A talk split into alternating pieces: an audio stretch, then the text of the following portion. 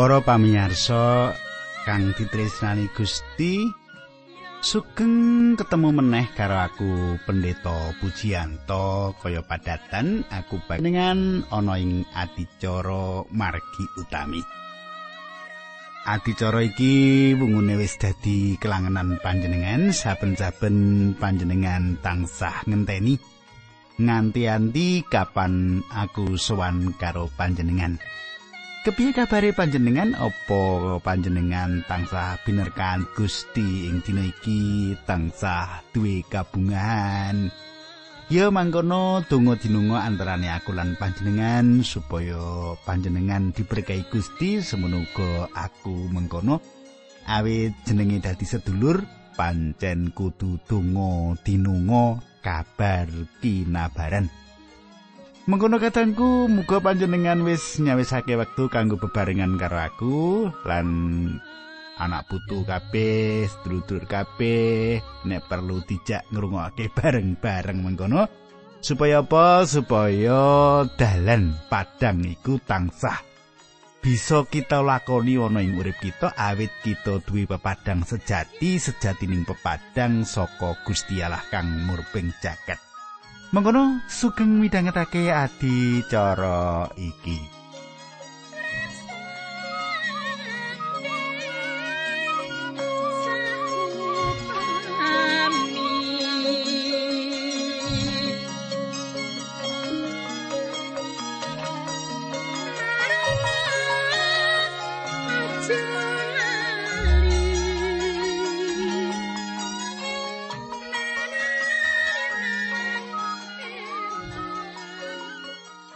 Katanggu kang dak tresnani.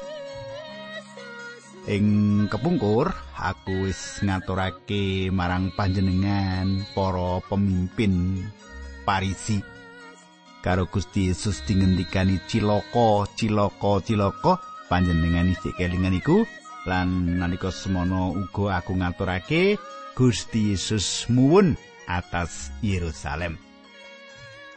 Nah, kadangku sawise para parisi, pemimpin agama, wong-wong Herodian lan wong-wong Saduki wis ora bisa meneh golek alasan kanggo ngolo, kanggo jebak Gusti Yesus. Sawetara murid Gusti Yesus, para murid Gusti Yesus padha mareksawan ngaturake pitakonan. Nanging sadurunge tak teruske, kadangku kita becik ndedonga dhisik ya. Lan aku ngaturake salam kanggo Pak Ragil. ya Pak Ragil iki pemimpin saling radio ya. Salam kagem panjenengan Pak Ragil, staf lan sedaya ingkang mirunggan ingkang wonten ing adicara margi utami menika ngaturaken salam taklim dhateng panjenengan.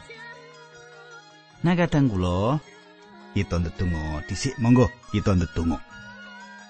Duh Kanjeng Rama ingkang adhedhamen kawula ngaturaken gunging panuwun menawi wekdal menika kawula saged tetunggilan kalian sederek-sederek kawula ingkang setya tuhu midhangetaken adicara menika.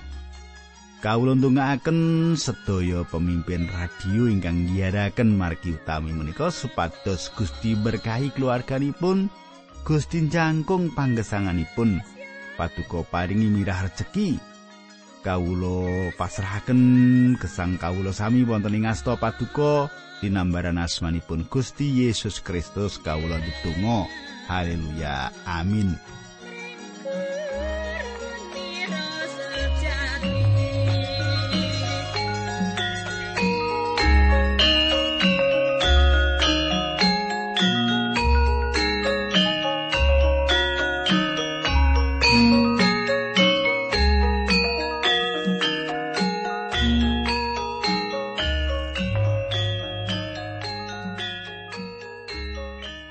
pamirsa, ana telung pitakonan bab rawi Gusti Yesus. Pembangune kraton swarga ing bumi sing nandhakake jaman anyar ing pemerintahanne pangeran. Siji kapan wektune kedadian iku? Loro apa tanda-tandane yen Gusti wis bakal rawuh lan telu? Apa uga ana tanda-tanda bab pungkasaning jaman? Pitakonan kapan bakal kedadeane nalika watu siji ora tumumpang ing watu sijine ora kajawab ing Injil Matius? Jawaban kitab suci katulis ing Injil Lukas. Kenapa mengkono? Jalaran Injil Matius mung mirunggan. Mung ngutamakake nulis bab Gusti Yesus sing jumeneng raja. Ora gegayutan ora ana sambung rapete karo ambruke Yerusalem ing taun pitung puluh. Nah saiki panjenengan tak derekake maca Injil Lukas. Jawab pitakonan mau. Injil Lukas ya, Lukas bab selikur ayat rong puluh, selikur, rolikur, telulikur, patlikur. Wah, ayatnya rada akeh katangku. Coba panjenengan semata waca alon-alon supaya panjenengan cetha waca. Mengkene ayat 20. Yen kowe weruh kutha Yerusalem dikepung dening wadya bala, padha ngerti yo. Yen ora suwe meneh kutha Yerusalem mau bakal disirnakake. Ayat selikur. Ing wektu kuwi wong-wong ing tanah Yudea padha ngungsi menyang pegunungan, wong-wong sing ana ing kutha padha metuwa saka kutha lan wong-wong sing ana njaba kutha aja padha mlebu ing kutha. Ayat 23 sebab dina-dina kuwi diarani dinaning paukuman supaya kelakon apa sing wis ditulis ana ing kitab suci. Ayat 23 mesakake temen wong wadon sing lagi padha meteng lan sing lagi padha rewang bayi sebab negara kuwi bakal ngalami kasusahan gedhe merga Gusti Allah bakal ngukum bangsa iki. Ayat 24 ana wong sing bakal dipateni kelawan pedang, ana uga sing padha bakal diboyong menyang negara-negara manca lan wong-wong sing ora wanuh marang Gusti Allah bakal ngicak-icak kutha Yerusalem nganti tekan wektu sing wis ditemtokake dening Gusti Allah tumrap bangsa iki. Mengkono pangandikane Gusti saka Injil Lukas bab selikur mau sing tak waca awit ayat rong puluh nganti palikur. Kadangku kang gak tresnani nalika taun pitung puluh Yerusalem dikepung lan digepuk dening mungsuh diremuk wadya bala Romawi. Isi akeh wong sing isih urip sing padha krungu apa sing didhawuhake Gusti Yesus nalika panjenengan isih sugeng. Wecane nusul buktine remuke Yerusalem gegirisi ngluwihi nalika diserang dening raja Nebukadnezar 600 taun sadurunge. Pitakonan sing kapindho. Pitakonan sing kapindho, apa tondo-tondo yen Gusti bakal rawuh lan apa tondo bakal pungkasaning jaman? Gusti luwih dhisik maringi jawaban pungkasaning jaman. Sing dikersake pungkasan iku tegese gumantine jagat. Gumantine donya sing lawas dadi jagat sing anyar. Gumantine jagat sing lawas dadi jagat sing anyar. Bumi anyar bakal teko nganti bumi sing lawas sing kebaing dosa lan kadurakan. Iki sirna bumi anyar bakal teko ganti bumi sing lawas dadi bumi sing lawas sing kebak dosa lan kadurakan iki diganti karo bumi anyar Imbal wacana bab karawuhane menehing bumi kanggo mungkasi bumi sing lawas. Kanggo mungkasi bumi sing lawas nganggo bumi sing anyar. Para kagungane Gusti para wong pracaya do sinengkake ing swarga. Ing jaman sing nemtokake kahanane bangsa Israel, donya bakal ngadepi kasangsaran gedhe. Tak beleni rerembugan imbal wacana. Bab karuwahane menehing bumi iki kanggo mungkasi bumi sing lawas kanthi bumi sing anyar. Nah, para kagungane Gusti, para wong pracaya ing wektu kuwi wis padha sinengkake ing swarga. Ing jaman sing nemtokake kahanane bangsa Israel, donya bakal ngadepi kasangsaran gedhe. Cetha ya, kadangku ya, cetha ya. Nah, saiki Matius 24 ayat 4. Panjenengan tak derekake buka Matius 4 ayat 4. Mengkene ya. Gusti Yesus ngendika kowe sing padha ngati-ati aja nganti diapusi ing wong. Sedulurku, tembung sing ngati-ati menehi tondo supaya ora dipituk lan dikesasarake. Tembung ngati-ati iku ngemutake supaya wong pracaya ora gampang diapusi. Ora gampang disasarake. Gusti Yesus manti-manti. Jalaran wektu iku akeh pamblithuk. Akeh wong sing apus-apus. Apa maneh ing jaman kasusahan gedhe antikristus wong-wong sing sengit marang Sang Kristus bakal tumindak ngrusak ini para wong percaya. Mula Rasul Petrus ngilingake marang kita. Coba panjenengan semak loro Petrus bab loro ayat siji.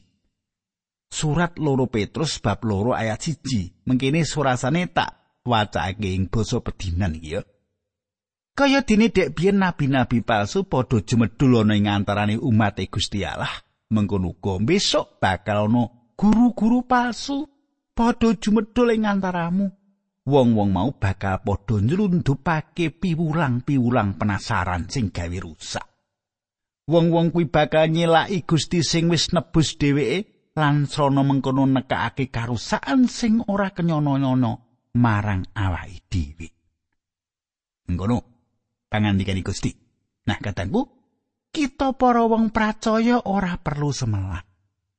Kita wong pracaya ora perlu semelang. Pamecane aja padha digape. Aja padha dianggep lan tetep waspada marang para guru palsu sing arep njlomprongake kita marang dalan sing nyasar. Kabeh kuwi ujinen nganggo landesan kitab suci. Panjenengan krungu, kira enek wulangan-wulangan sing nyereneh ngene. Panjenengan uji lho, nek manut kitab suci ki kepiye? Mula penting kanggo panjenengan iki maca kitab suci saben dina, ngrungokke margi utami kuwi saben dina supaya panjenengan ngerti landesan-landesan kanthi mengkono ora gampang disasarake dening guru-guru palsu sing jlomprongke panjenengan lan aku. Ya, ya. Sak teruske akeh wong akeh wong utawa kumpulane para pambelajar sing nyenengake kumpulan mau nyenengake gereja. Aja kok gugu ajarane awit nyasarake. Injil Matius 4 ayat 5 coba panjenengan kateake sebab bakal akeh wong sing padha teka nganggo jenengku lan kondo aku iki Sang Kristus lan srana mengkono bakal nasarake wong akeh. Kadangku malah ana wong sing padha ngaku-ngaku yen dheweke iku Sang Kristus. Coba. Sing wani-wani nyebarake ajaran, ajaran sing blasar. Coba panjenengan rasake iki. Padha golek ana guru-guru Injil utawa gereja sing mulangake kanthi bener isine kitab suci. panjenengan goleki guru-guru mengkono iku. Ayat 5 lan 8 ing ngarep iki ngandhakake bab kasangsarani gedhe sing bakal teko. Ayat 5 lan 8. Saiki Matius 24 ayat 6. Kowe bakal krungu swaraning peperangan lan pawarto bab perang. Nanging diawas kowe aja wedi lan cilik ing ati sebab kuwi kabeh kudu kelakon senadan mengkono kuwi durung ateges yen wis tekan wekasane jaman. kadangku kabar utawa isu bab perang iku dudu tandha yen jaman wis bakal kukut. Awit piwitan donya iki kalimput ing perang gedhe. Nang iku mau ora pratandha yen jaman wis mungkasi. Ana perang donya kapisan nuli kapindo lan malah ana prastawa panjebluke bom atom ing Hiroshima. lan naga saking Jepang. Nalika semono ana wong-wong sing ngerti isine kitab suci sing padha ngandhakake yen perang-perang iki tondo pungkasane jaman. Nanging pambadi mau kliru, kliru. Kita kudu tansah sregep ngegilet isining kitab suci kanthi nyuwun pitulungane Roh Suci supaya bisa ngerti apa sing dadi kersane pangeran marang menungso. Perang ora bisa dirampungake dening menungso. PBB apa dene Liga Bangsa-Bangsa durung tau kasil ngendhekake perang ing salumahing bumi iki. Bumi ora bisa tentrem kejaba yen rajane tentrem rahayu ya Gusti Yesus Kristus wis rawuh ing donya mesuke. Matius 24 ayat pitu wolu mengkini surasani. Sebab bangsa sing siji bakal nglawan perang bangsa sijine lan kerajaan nglawan kerajaan ana ing ngendi bakal ana pailan lan lindu. Ayat 8 nanging kuwi kabeh lagi wiwitaning kasangsaran ngarepake tekani jaman anyar kaya wong sing nglarani sadurunge nglairake bayi. Kadangku sak dawane jaman sawise manungsa tumiba ing dosa, kahanane ya kaya iku ora tau tentrem. Anane Sang Kristus palsu, kabar bab perang, pailan, kelaparan, ya, kengelen, penyakit sing akeh nggawa pepati lindu gedhe bencana-bencana liyane ing kabeh bagian donya iki sangsaya ndadi tumengkare manungsa sing ora bisa dikendhaleni ora imbang karo asile tetanen kani mengkono akeh bangsa sing ketrajang pailan apa maneh mangsa ora bisa dijagakake mungguing tanem tuwuh kahanan ora bakal sangsaya apik ing buku wahyu jaran ireng lambangi pailan gedhi durung teka. Ing mangsa pungkasane jaman jaran ireng iku bakal tumapak ing bumi. Kabeh sing kita alami iki lagi wiwitane jaman pungkasan. Lagi wiwitane jaman pungkasan. Ing wiwitane mangsa kasusan gedhe Gusti bakal nimbali para kagungane bangsa Yahudi lan bangsa liyane sing kecakup ing pesamuane para wong pracaya. Saiki tak teruske Matius 24 ayat 9 mengkini surasane. Ing wektu kuwi kowe bakal padha dicekel lan dipasrahake supaya disiksa lan dipateni. Kowe bakal disengiti deling saking bangsa merga nggonmu dadi muridku. Kadangku tembung kowe ing kene sing dikersakake dening Gusti yaiku bangsa Yahudi. kasang sayane bangsa Yahudi jalaran disengiti saperangan bangsa-bangsa ing donya. Mesine sakabeng wong percaya sing ngerti apa kersane Gusti ora tumindak kaya sing ditindakake donya iki. Saiki tak teruske Matius 24 ayat 10 nganti 11 mengkene surasane.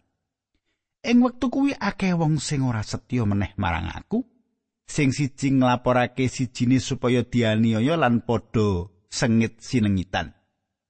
nuli akeh nabi palsu bakal padha jedul lan nasarake wong akeh. Kadangku nyemak apa sing ditulis mau. Israel dipengetake. Israel dipengetake supaya ngati-ati marang nabi palsu. Dene para wong percaya didawi supaya ngati-ati marang para guru palsu. Nek Israel nabi palsu, nek wong percaya guru palsu. Saiki ayat rolas Matius 24 mungkin yo kadurakan bakal saya tambah akeh nganti wong padha sudo katresnani katangku nyemak apa kang dinulis iki iki lelawanan karo isine khotbah Gusti Yesus sing puntuk Mula dasar khotbah ing puntuk dadi pituduh sing utama kanggo lagune urip kita para wong percaya Ing mangsa wiwitane jaman pungkasan iki pancen katresnane manungsa marang sak pepadane dadi sangsaya cilik. Sudo malah kepara padha ora duwe katresnan. Tegel lan ora melu siji lan sijine. Tegel lan ora melu siji lan sijine. Ayat telulas. Nanging sing sapa lestari percaya tekan wekasan kuwi sing bakal slamet. Kataku, coba kateke ayat sing tak waca mau. nanging sing sapa lestari percaya tekan wekasan kuwi sing bakal slamet ayat iki ngagetake kataku awit ing buku wahyu ngandhake yen ing mangsa mau Gusti Allah ngendhekake kabeh kekuatane alam lan kadurakan lan malah kekuatane kabecian uga mandek dadi orang gampang urip ing jaman iku. Nanging sing tetep setya tuhu marang Gusti Yesus bakal kawilujengake juru pangen utami bakal terus merek para wedhus sing nganti tekan pungkasaning jaman. Senadan babi bakal bali ing comberan nanging anak sing ketriwal bakal bali menyang ing daleme ramani. Saiki ayat 14 Matius 4 Injil bab kratone Allah bakal diwartakake sejagat rata supaya saben wong padha krungu sawise kuwi kelakon lagi bakal tekani dina wekasan kadangku coba gatek kayat iki kratone Allah wis cedhak padha mrato batok. Iku kabar saka Yohanes Pembaptis sing banjur dibaleni meneh dening Gusti Yesus ing Matius 4 ayat 17. Malah nalika ngutus Gusti uga ngendika meneh bab kratone Allah wis cedhak lan padha mrato batok. Nuli Gusti Yesus ing Matius 11 ndawake timbalan marang sapa wae sing kamomotan uripe kanggo nampa kasantosan. Sak banjure Gusti Yesus ngendika ing bab 22 ayat 22 bab sediane dadi bebantene saben wong percaya supaya kawilujengak. Ing pungkasane jaman bab kratone Allah sing wis cedhak bakal diwartakake meneh supaya saben wong sing padha ngerti padha merato bato. Ing jaman iki jamane Injil minangka sih rahmati Allah. Apa ana bedane Injil kratone Allah lan Injil sih rahmati Allah? Ora ana bedane. ora ana dalan liyane kanggo sowanan atur pisungsung marang Allah kejaba ana ing pangorbanane salib Kristus. Kaya dene pisungsungi Habel marang Allah. Dheweke nyaosake anak wedhus gibas kanthi tekad lan kapercayan sing gumolong. Yen nggone nyaosake mau ada dasar dawuhe Allah. Ora kanggo nebus dosa-dosane, wedhus sing dipisungsungake mau minangka gegambarane keturunane wong wadon. Yohanes Pembaptis ora mung ngendika mrato bato sebab keratone Allah wis cedhak nanging uga ngendika delengen kuwi cempening Allah sing nebus dosane jagat. Yohanes Pembaptis wis tepang lan niteni banget marang panjenengane. Sadurunge Gusti Yesus rawuh kabeh wong sing miturut dawuh Allah kawilujengake kanthi percaya, kanthi iman lan kabeh diapura dosane lantaran pangorbanane Sang Kristus. ing jaman perjanjian lawas ora ana wa siji wae sing wilujeng jararan nglakoni hukum Torat. Injil bab kratone Allah bakal diwartakake sejagat rata supaya saben wong padha krungu sawise kuwi kelakon lagi bakal tekane dina wekasan. Mengkono mau tulisane Injil? Kadangku iki ora teges nalika diwartakake bab kratone Allah nuli wektu iku uga kratone Allah bakal rawing jagat ora. Ayat iki jawabane Gusti Yesus marang pitakone para murid bab tondo dina wekasan pungkasaning jaman. Ayat iki ora ayat sing kanggo nawakake sawijining program kursus kitab suci supaya entuk calon murid sing akeh sebab ana saperangan wong percaya sing nganggo ayat iki minangka panjurung supaya padha melu pengajaran sing kaimpun dadi sebangsane kursus. Iki ora luput nanging salah pangerten. Kadangku tak cukupi semene disi aturku muga panjenengan seberat kaberkahan isining giaraning dina iki. Ing pangajab panjenengan kersa midhangetake giaran candake ambrih kawruh bab kita suci sang saya jangkep. Nuwun ayo padha ndedonga. Kanjeng Rama swarga kawula ngaturaken kuing panuwun dene wekdal menika kawula saged midhangetaken wucalan-wucalan pangandikanipun Gusti ingkang njejekaken iman kapiyandelan kawula. Dinambaran asmanipun Gusti Kawulo Yesus Kristus kawula ndedonga. Haleluya. Amin.